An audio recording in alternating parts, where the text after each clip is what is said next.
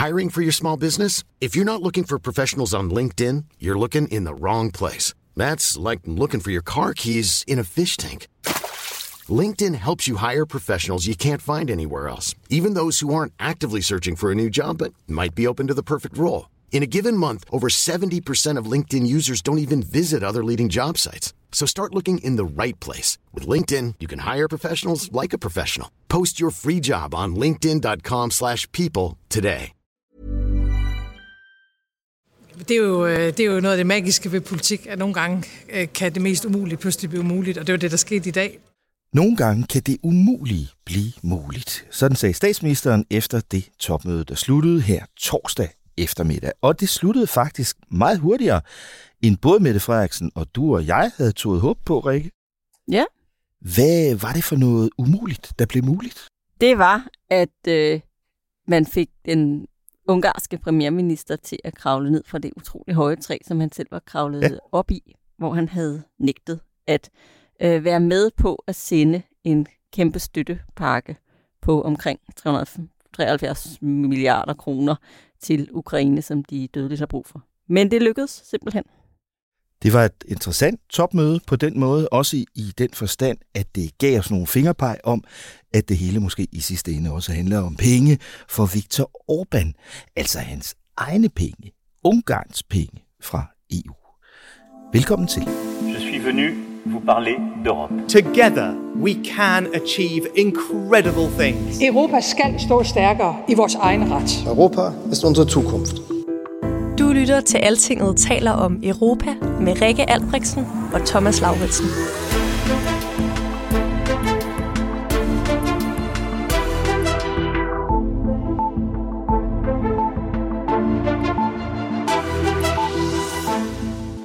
It, it is a problem for all of us. I mean, there's no problem with so-called, you you know, Ukraine fatigue for sure.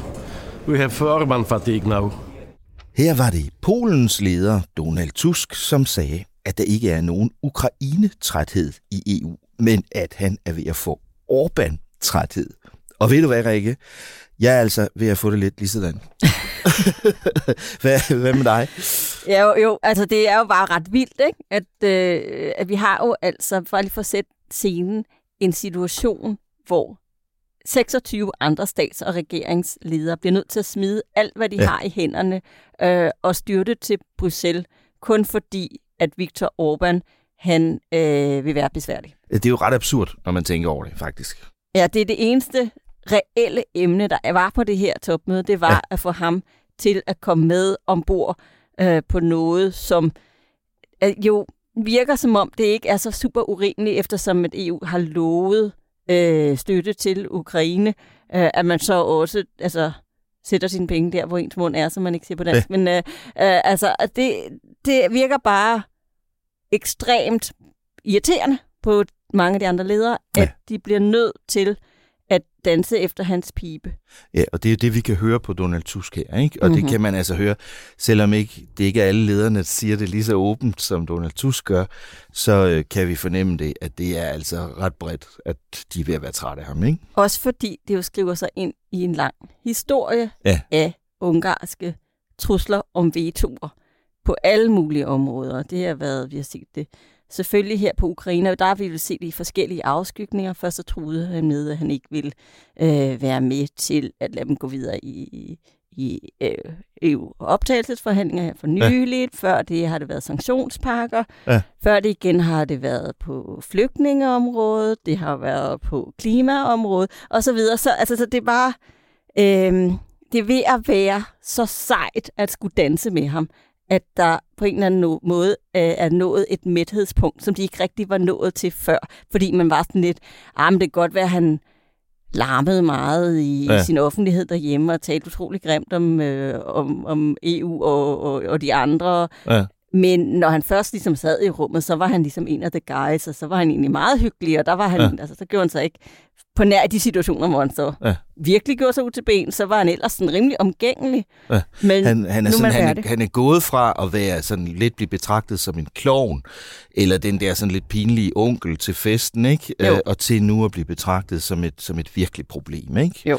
Øh, det kan vi måske lige vende lidt tilbage til om lidt, Rikke. Øh, lad, lad os lige først tale om, hvad det egentlig var, det så lykkedes dem at blive enige om her. Altså som du sagde i starten, omkring 373 milliarder kroner til Ukraine i årene 2024 til 27. De 127 milliarder af dem støtte, og resten af dem øh, lån. Måske skulle vi lige opsummere, hvordan det så egentlig skete på det her topmøde. Det gik jo som sagt noget hurtigere, end, end vi havde regnet med. Det gjorde det. Det, gjorde, det. det var faktisk fordi, at de i virkeligheden allerede havde fået ham med ombord, inden de satte sig ind i Det vidste vi bare ikke jo. Nej, ikke på det tidspunkt, for der alle, og det øh, var faktisk også lederne selv, øh, var i vildrede omkring, hvordan det her topmøde det ville gå. Fordi øh, der var simpelthen ingen, der kunne lure, hvad var hans endemål øh, med det her mm. øh, stunt, som han var i gang med at lave. Og derfor havde der også været jo enormt mange kontakter til Budapest inden, øh, og, og især en intensiv slutspurt, som startede også øh, her i byen allerede onsdag, fordi lederne kom dagen inden topmødet torsdag, øh, fordi der var sådan en mindehøjtidlig for Jacques Delors, den mm. øh, navnkundige EU-kommissionsformand. Ja, øhm, som døde her i slutningen af december. Præcis. Ja. Og, og der var der alle mulige, altså Orbán selv skippede den her middag, som der så blev holdt efter øh, mindehøjtidligheden, øh, mindehøjtidligheden øh, blandt de andre ledere. Men han var til gengæld til konsultation med den ene og den anden øh, ja. af, de, af de andre premierministre og præsidenter med, ja. med Emmanuel Macron fra Frankrig og, ja. øh, og Giorgia Meloni fra Italien blandt andet. Og så var der så et øh, minikrisemøde allerede fra morgenstunden. Torsdag, inden de lukkede de andre ledere ind Ja, der sad de så oppe i sådan et, et lille lokale øh, over i, i topmødecenteret, og, og bagefter blev der delt billeder af det møde, blandt andet af Orbán selv, Uh-huh. Øh, jeg sidder med et af billederne her, som jeg selvfølgelig har printet ud, Rikke. Ja, det er fordi, du elsker at printe. For jeg elsker nemlig at printe. Øh, og det er et billede, hvor man så kan se, Orbán sidder troner i midten. Han ser meget stolt ud over, at de alle sammen sidder og kigger på ham. Og så kan vi selvfølgelig se øh, topmødeleder Charles Michel, rådsformand. Vi kan se Ursula von der Leyen. Vi kan se den franske præsident derovre. Og chefen for generalsekretariatet, Therese Blanchet. Ja, øh, og, øh, og, og så Olaf Scholz. Scholz. Og så lige ved siden af Orbán sidder og ser meget intens ud, uh, Giorgia Meloni, ja. den italienske regeringsleder, og der går rygter om, at hun faktisk har spillet en vigtig rolle i det her kompromis. Ja, man kan sige, fordi hun jo også, ligesom Orbán, har sin fod ret solidt plantet på den populistiske højrefløj, så ja. har de en eller anden form for markerskab. De kender uh, hinanden ret godt. Ja, så øh, åbenbart har hun været med til at, øh, at arbejde på at få ham med ja. ind i flokken. Der er flere medier, blandt andet Politico, øh, der har skrevet om, at, at øh, udover hun var med til det der møde torsdag formiddag i rådsbygningen, så øh, havde hun også en lang snak øh, angiveligt med Orbán onsdag aften på Hotel Amigo, ja, som er sådan et stort luksushotel, der ligger inde ved Grand Plads. Ja, og som øh, er fantastisk, fordi det ligger sådan i et gammelt fængsel øh, som hed, som blev kaldt Amigo, fordi det var, der var en masse spanske fanger, der, der endte der. Så, øh. det vidste jeg ikke. men, men så lavede de en aftale, og den blev nærmest annonceret, som du siger, nærmest inden det rigtige topmøde gik øh, i gang. Og så løb vi jo alle sammen rundt for at finde ud af, jamen, hvad er det så Orbán har fået mm-hmm. for mhm. det her? Og det er jo ikke, det er ikke som om, at han sådan har fået voldsomme indrømmelser.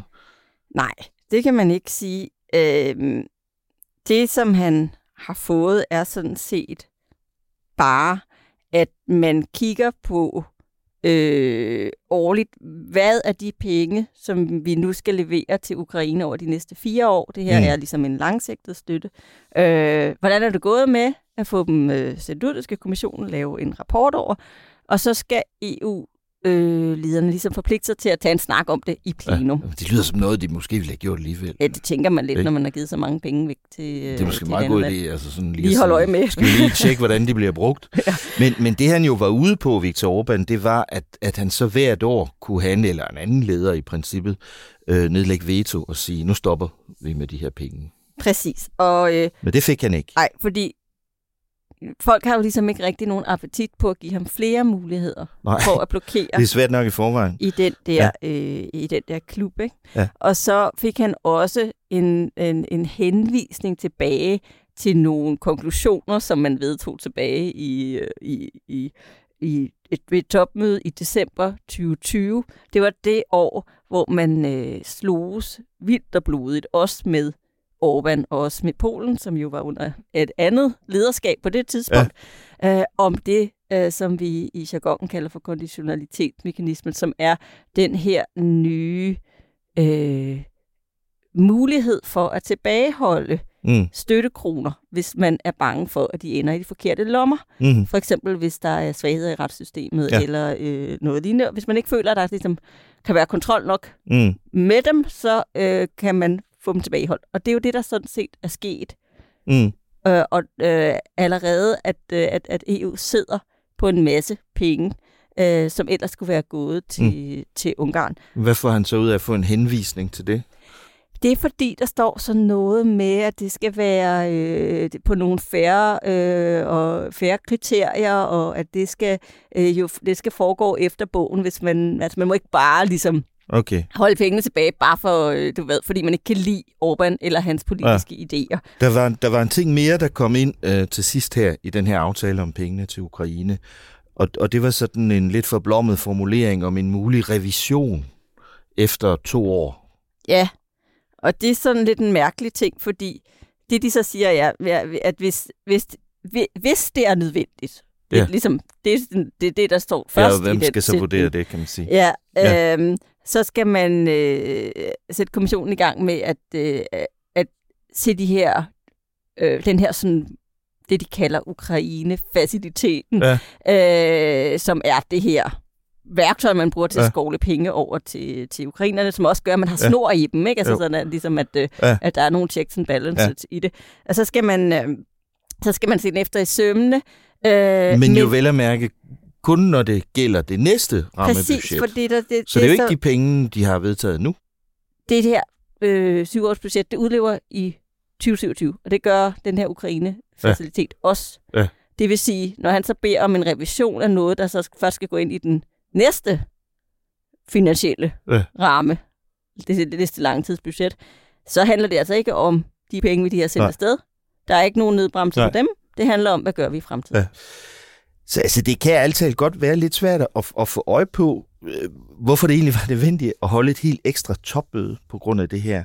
Øh, og det er jo altså også den grund, at så mange af lederne, som vi var inde på, Rikke, er godt frustreret over Viktor Orbans spil her. Vi kan for eksempel lige vende tilbage til Polens regeringsleder Donald Tusk. Han lader nemlig ikke fingrene imellem. I can't understand, I can't accept this the very strange and very egoistic game of uh, Viktor Orban.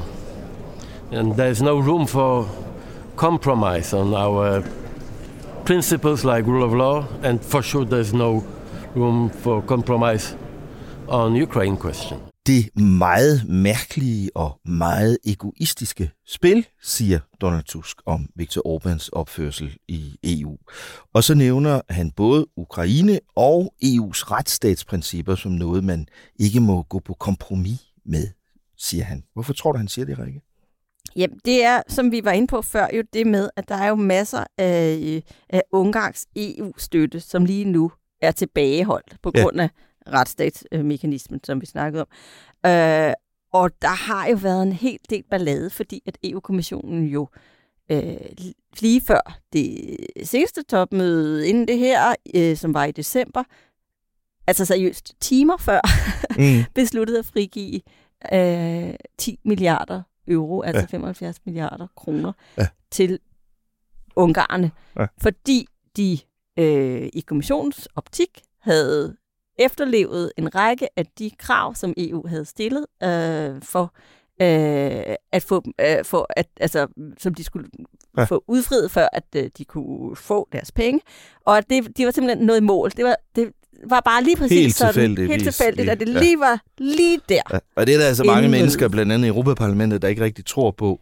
Ja. For da jeg var nede i Strasbourg for et par uger siden, var der en debat om det her, og der fik Ursula von der Leyen altså rimelig tørt på af mange af parlamentarikerne. Ja, for det der er ved det er, at øh, altså, de har lavet en hel masse øh, justeringer af, af retsvæsenet blandt andet, men der er bare rigtig mange eksperter, der siger, ja, men det er en skinmanøvre, de her, de stikker ikke særlig dybt, det, Mm. det er simpelthen det er ikke godt nok, vi, øh, så, så de kan ikke forstå argumentet om, at, at, øh, at, Ja. at, at Ungarn skulle være noget i mål. Omvendt, siger kommissionen, prøv at høre, vi bad dem om at gøre de her ting, de har gjort Ja. ja. dem, de har gennemført dem i lov, øh, så kan vi ikke juridisk, fordi så kommer EU-domstolen efter Ja. ja. os, bare blive ved med at sidde på penge.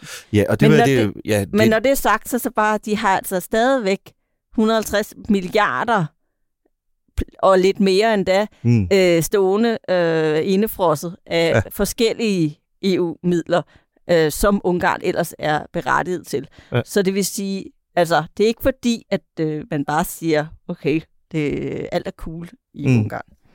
Øh, og, og det der er jo en, der er Ursula von der Leyens argument, det er, øh, øh vi kan jo ikke begynde at bøje reglerne, mm. Øh, når det vi beskylder andre for er at bøje reglerne. Ja. Så vi er nødt til at overholde det. Men altså, the good news er, øh, som, du, som du siger, Rikke, bliver mange af pengene stadigvæk øh, holdt tilbage, og det ser ud som om, det virker. Øh, Den har jo ikke eksisteret ret længe, den her retsstatsmekanisme, og da den blev lavet, var der diskussion om, vil det virke, hvordan kan man bruge det, og sådan noget selvfølgelig. Men det kunne jo godt se ud til, at det virker, fordi at, at ellers kan jeg ikke rigtig se, hvorfor Viktor Orbán bøjer sig nu. Nej, faktisk. men og det er også øh, øh, jo klart, fordi at den ungarske økonomi er presset. Altså, og så helt generelt skal man huske, at EU står sådan set for, øh, altså i gode tider, når, når, når pengene flyder, som de skal, står de jo for omkring 4% af det, det øh, ungarske bruttonationalprodukt. Det kan jo godt, godt altså mærkes, Ja. hvis, hvis øh, den pengestrøm, den, øh, den bliver blokeret. Ja. Donald Tusk fra Polen, han er i hvert fald ikke i tvivl. Der skal sættes hårdt mod hårdt med Orbán. I think that there's no plan B, in fact, and uh, this is for Viktor Orban to decide if it, if Hungary is a part of our community or or, or not. Der er ingen plan B, når alt kommer til alt, så må Ungarns leder bare vælge, om hans land er med i EU eller ej, siger Donald Tusk.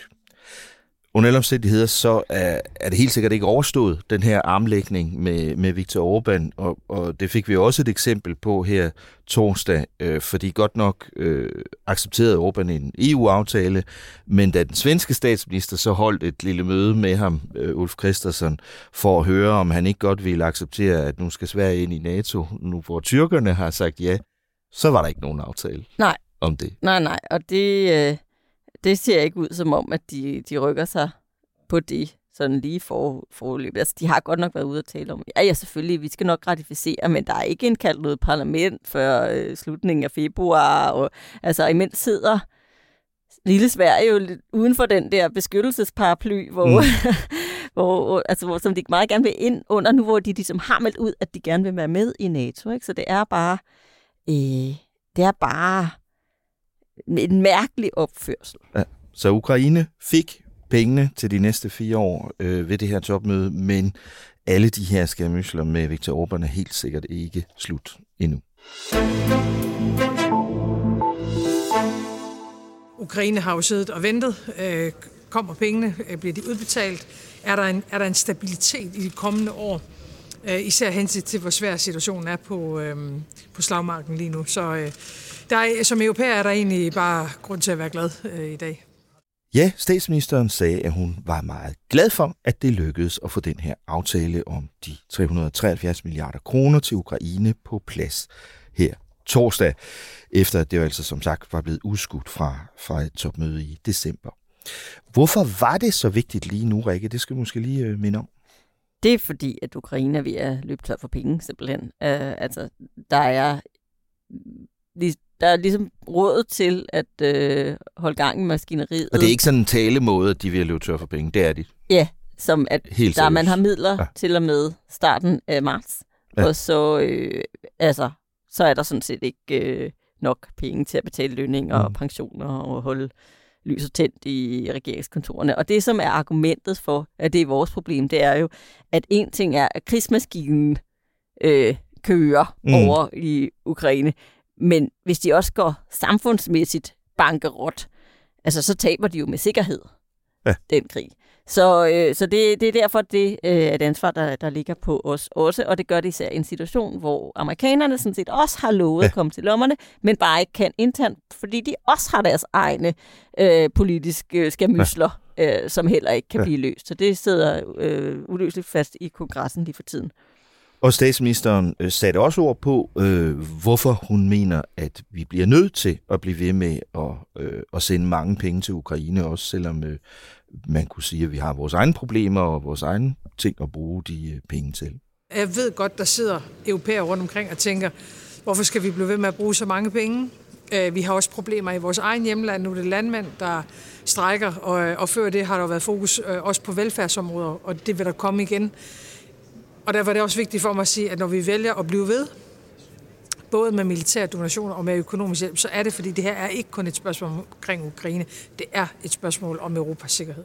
Mette Frederiksen lagde også stor vægt på, at der ikke kun er brug for alle de her penge i civil hjælp til det ukrainske samfund, som du var inde på, Rikke. Der er også i meget høj grad behov for mere militær hjælp, sagde hun. Altså det er lige nu, kampen den kæmpes på slagmarken, og især mangler Ukraine ammunition. Øh, vi har givet et løfte, som vi ikke har levet op til. Danmark lever op til det, vi skal, men, men, men det skal øh, et samlet EU altså gøre. Når det handler om de militære donationer, er jeg meget optaget af, at Ukraine får det, de har behov for her på den korte bane, og derfor har alle behov for at levere noget mere. Rikke, statsministeren taler jo blandt andet om Europas løfter om at levere mere ammunition. Ja, det handler øh, om for, flere forskellige ting. Det første spor er, at man for øh, et års tid siden jo lovede at sende en million af de der 155 øh, mm granater, som er dem, som de bruger allerflest af derovre. Mm. Øh, og det går dårligt. Altså, det, de kommer nok til at nå i mål med omkring det halve, når det, når det år er, er gået. Ikke? Um, og så er der et industrielt spor, som handler om at udvide produktionskapaciteten ja. i Europa. Og der bliver trykket på en masse knapper lige nu, og indgået øh, masser af aftaler omkring 60, ja. tror jeg det er, med, med, altså for, mellem agenturet i EU og så øh, våbenproducenter. Um, men hele pointen er, det går for langsomt, det skal, øh, altså, der skal skrues op for tempoet, og der havde du så i den her uge øh, med Danmark i spidsen et, øh, et øh, åbent brev, hvor Mette Frederiksen sammen med Tyskland og Tjekkiet og Holland og Estland er ude og sige, at nu må øh, alle stramme sig an og sende nogle flere, ja noget mere grej til ukrainerne. Ja. Der er jo også andre militære donationer undervejs, for eksempel, som vi har talt om øh, her i podcasten før, øh, de gamle danske F-16-fly, øh, som, øh, som vi jo har lovet at donere til, til ukrainerne. 19 kampfly øh, i alt, sådan i flere etapper. Og det var meningen, at de skulle begynde at blive leveret til Ukraine allerede her i, i januar. Øh, men de er altså ikke helt klar endnu med blandt andet med træningen af de ukrainske piloter. Øh, så Forsvarsministeriet siger nu, at de øh, regner med at begynde at levere dem til Ukraine i anden kvartal øh, af det her år. Så altså om 3-4 måneder eller, eller sådan noget. Øh, jeg tænker på, Rikke, øh, hvis USA's militær støtte til Ukraine begynder at æbbe ud, som der jo er et tegn på, både fordi det allerede nu er svært at få en ny pakke igennem kongressen, og også fordi vi jo alle sammen tænker, hvad nu hvis Donald Trump bliver præsident igen sidst på året. Så er spørgsmålet, om, om det under alle omstændigheder er nok, det som vi i Europa kan levere. Ja, og det bliver ikke hjulpet af, at vi jo også øh, har problemer med at få øh, nye penge til det, som øh, ironisk nok hedder den europæiske fredsfacilitet, men som ja. øh, i princippet bliver brugt øh, på krig, øh, som er den her pose med penge, som er blevet lavet sådan, at øh, EU-landene kan sådan set gå i byen og, øh, og købe øh, isenkram, som de kan sende til Ukraine, men så kan de sende noget af regningen til ja. Bruxelles. Og det vil sige, at man så tager man sådan et, øh, hvad kan man sige, et, øh, et, et mere øh, kollektivt ansvar for at øh, betale for det, for det, som landene individuelt sender. De har også mm. sendt, øh, rigtig mange af dem har jo brugt det til ligesom at rydde op på hylderne derhjemme. op på lagerne. Ja, ja og, øh, og, og, og det har været meget effektivt i krigens første år, og så er det blevet mindre effektivt mm. øh, siden da. Ja. Og nu er man nået til et punkt, hvor man siger, okay, vi bliver nødt til at gentænke den der, øh, den der øh, konstruktion. Og det, og det er bare enormt svært, fordi at det er også en ting, det her er et øh, instrument, der ligger uden for øh, rammerne af EU's budget. Det er noget, landene gør mellemstatsligt, mm. fordi EU er et fredsprojekt, så mm. øh, det kan man faktisk ikke engang inden for mm. traktaterne. Um, så det vil sige, at det også øh, kræver enstemmighed, og der er nogle lande, der blokerer. Blandt andet Tyskland, som ikke synes, at den her øh, mekanisme er, stru- er strikket sammen på en måde, øh, som er, altså, de, de synes, at der er lidt for mange, der har fået lidt for mange penge for at sende øh, deres gamle lort mm. til ukrainerne. Øh, og derfor vil de have den, øh, og så ligesom i princippet sende mm. regningen primært til Tyskland, fordi det er jo Tyskland, der er den største, ja. som det største land, også er ja. den største donor til ja. øh, den her fond. Um, men der er jo også sådan en som Orbán, som igen også spørger i, i det her spørgsmål. Ja. Um, men der havde man jo en stor forkromet plan om, at man ville med det samme øremærke øh, øh, altså 150 milliarder kroner over de næste øh, fire år, til at man sådan årligt øh, kunne, kunne tage, sende sådan en ordentlig portion ja. afsted.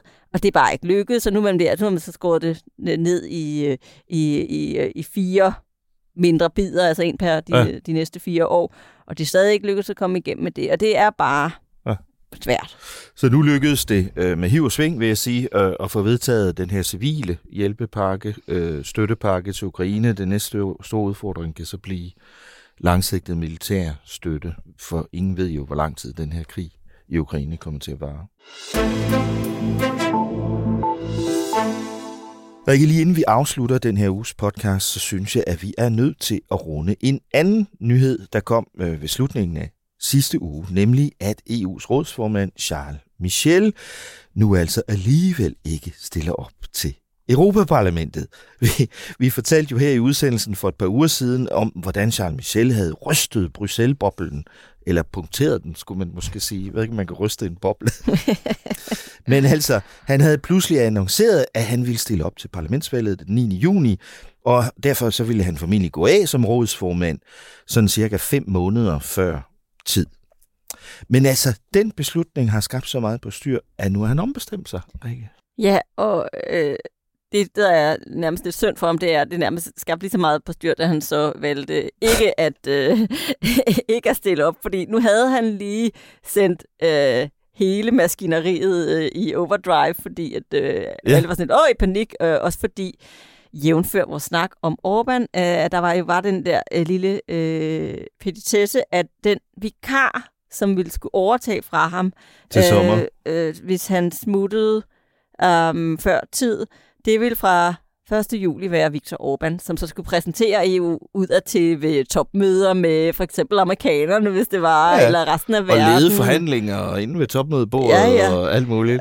Um, fordi Ungarn overtager EU-formandskabet den 1. Ja. juli. Ikke? Og det, mm det virkede sådan, øh, det, det, det var der ikke så mange, der havde appetit på. Og Michelle var sådan, jamen vi har masser af tid. Det er, nu har jeg jo sagt det tidligt, så kan I bare ja. finde en ny. Men det kan man ikke bare, fordi det er jo en del af det her store øh, toppost kabale show, som vi kommer til at beskæftige os ja. alt for meget med ja. øh, i den her by de, over de næste måneder, men hvor man skal placere øh, en ny EU-kommissionsformand, en, mm. øh, en ny øh, udenrigschef og så en ny formand for det ja. europæiske råd. Uh, og det skal man jo gøre med alle mulige hensyn til både udfaldet af Europaparlamentsvalget ja. og øh, nord og syd og højre og venstre, mm. Øh, mænd og kvinde ja. og så videre, så videre, store og små lande. Ja. Um, så det er ikke noget med, altså det, det er svært at placere den brik, øh, ja. hvis man ikke har de andre brikker. Ja, og derfor så skabte det en hel masse forvirring, ikke? Øh, og nu har han så, som du siger, skabt forvirring igen den anden vej øh, og, og, altså det jeg bare lige har lyst til, jeg synes ikke, at vi skal taske langhalm på det igen i dag, Rikke, men det man jo bare sidder tilbage og tænker, det er, har det her ikke bare skadet i hvert fald Charles Michels øh, rygte og troværdighed, men måske også selve posten som rådsformand? Jo, det synes jeg. Um, og hvis man tager det første først, det var ikke fordi, at han... Øh, det er ikke fordi, han var så populær i forvejen. Nej, var set nej. som nogen superhelt i forvejen. Nej. Det virkede bare som om, at øh, han, altså, han prøvede på at gøre det der embede til øh, altså noget, som handlede om ham, og at han blev set som en stor ja. leder, og han skyndte sig ud og blandede sig i konflikter alle mulige steder, ja. øh, og så blev han samtidig ikke rigtig taget alvorligt, som det han, som er hans egentlige funktion, netop at være fødselshjælper for ja. Store aftaler mellem de 27 stats- og regeringschefer, lede deres møder, mm. sørge for, at alting øh, sker i god ro og orden, og der Altså, der, det er bare ikke, fordi han havde han fik virkelig mange gode karakterer på det. Det var sådan ja. lidt a la Belge, altså lidt sådan øh, på den belgiske stil. Sådan lidt kaotisk, lidt... Ja. Øh, øh, ja. Og der var det berømte Sofagate, hvor han øh, sammen med Ursula von der Leyen var på besøg hos den tyrkiske præsident, Recep Erdogan, og så var der kun én stol ja, til så EU. Sat, sat, sat han sig så satte han sig hurtigt den, på den. og var ret ligeglad med hende, og, øh, og det er jo nok en sag, som er øh, blæst øh, mega meget ud af proportioner. Øh, I princippet er han også øh, over hende i, i sådan den øh, diplomatiske, det, ja. diplomatiske hierarki. Men der var bare så meget symbolik Det var i bare virkelig akavet. Øh, ja. og, det, vir- det, og, og problemet er, at det siger så meget om ham som karakter, han ja. har virkelig øh, et eller andet ønske om at blive set som den store leder. Mm. Øh, og altså, det er ikke rigtig gået som, øh, som planlagt, og så øh, nu led, lidt han desperat, også fordi han er forholdsvis ung. Han er kun ja. 48, så det vil sige, at han skulle have et nyt job, og der var ikke nogen, der serverede ja. det der topjob Nej. til ham på et sølvfad. Øh, der var ikke udsigt til det, og så måtte han jo ligesom finde, øh, du ved... En Min pointe er altså bare, nu tror jeg slet ikke, der er nogen, der serverer noget topjob Ej, for ham. Det, han har virkelig skadet sit eget øh, efter, Det er efter det forløb rigtigt. her. Ja. Øhm, og altså, det og så kan man sige, at ja, okay, hvad betyder det så for rollen? Det, det er også spændende, også fordi vi er jo stadigvæk lidt i en prøveperiode på det her job, fordi ja. vi har altså kun haft to andre figurer før ham.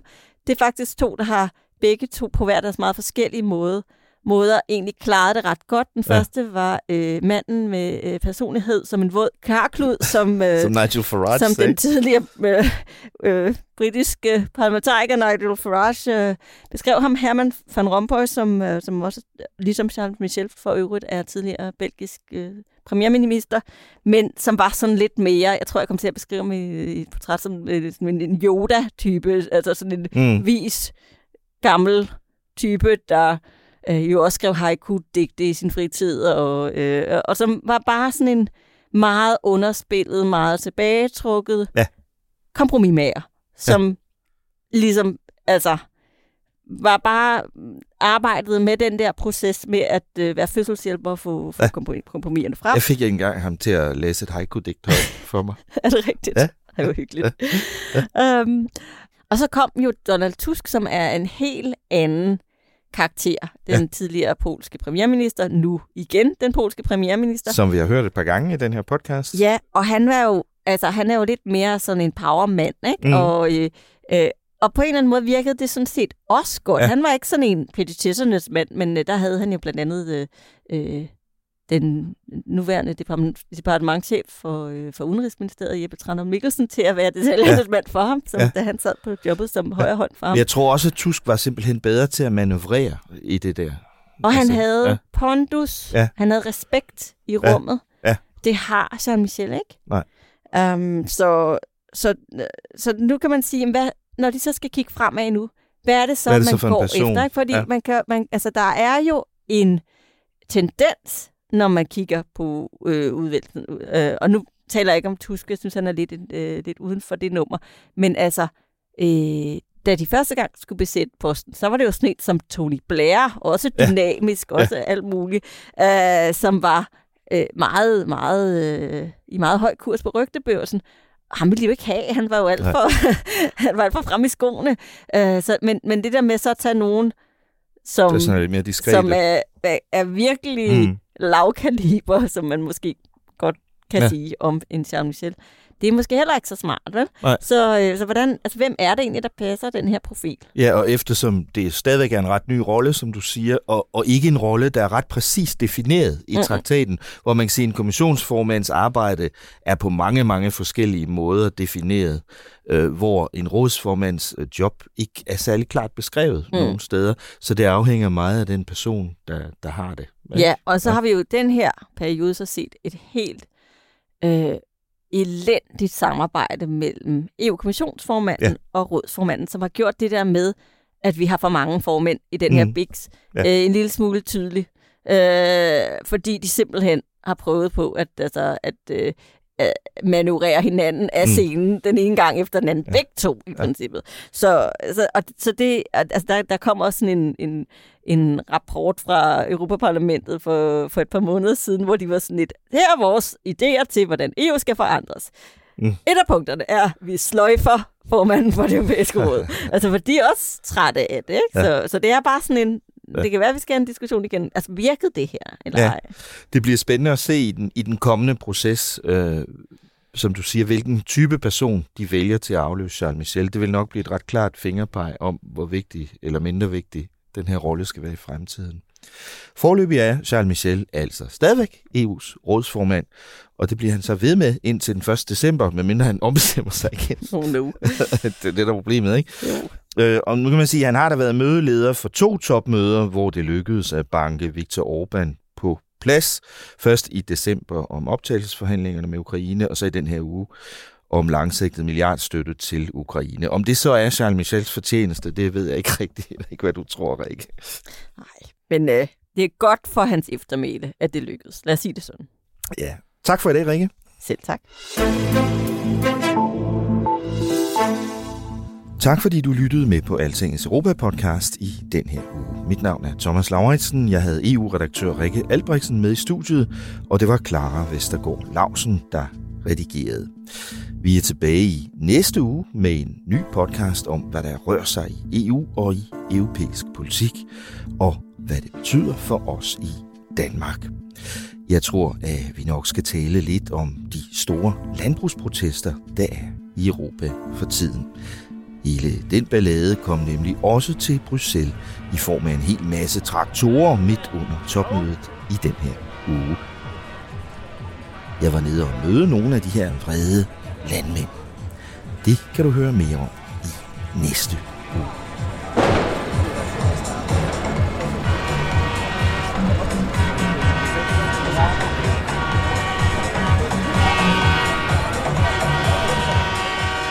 Mens du venter på det, kan du som sædvanlig læse meget mere om EU på altinget.dk. På vores EU-portal kan du blandt andet finde vores artikler om EU-topmødet, som lige er slut, om Viktor Orbán og om de store landbrugsdemonstrationer her i Bruxelles. Tak for i dag. Lyt med igen næste uge, lige her, hvor Altinget taler om Europa.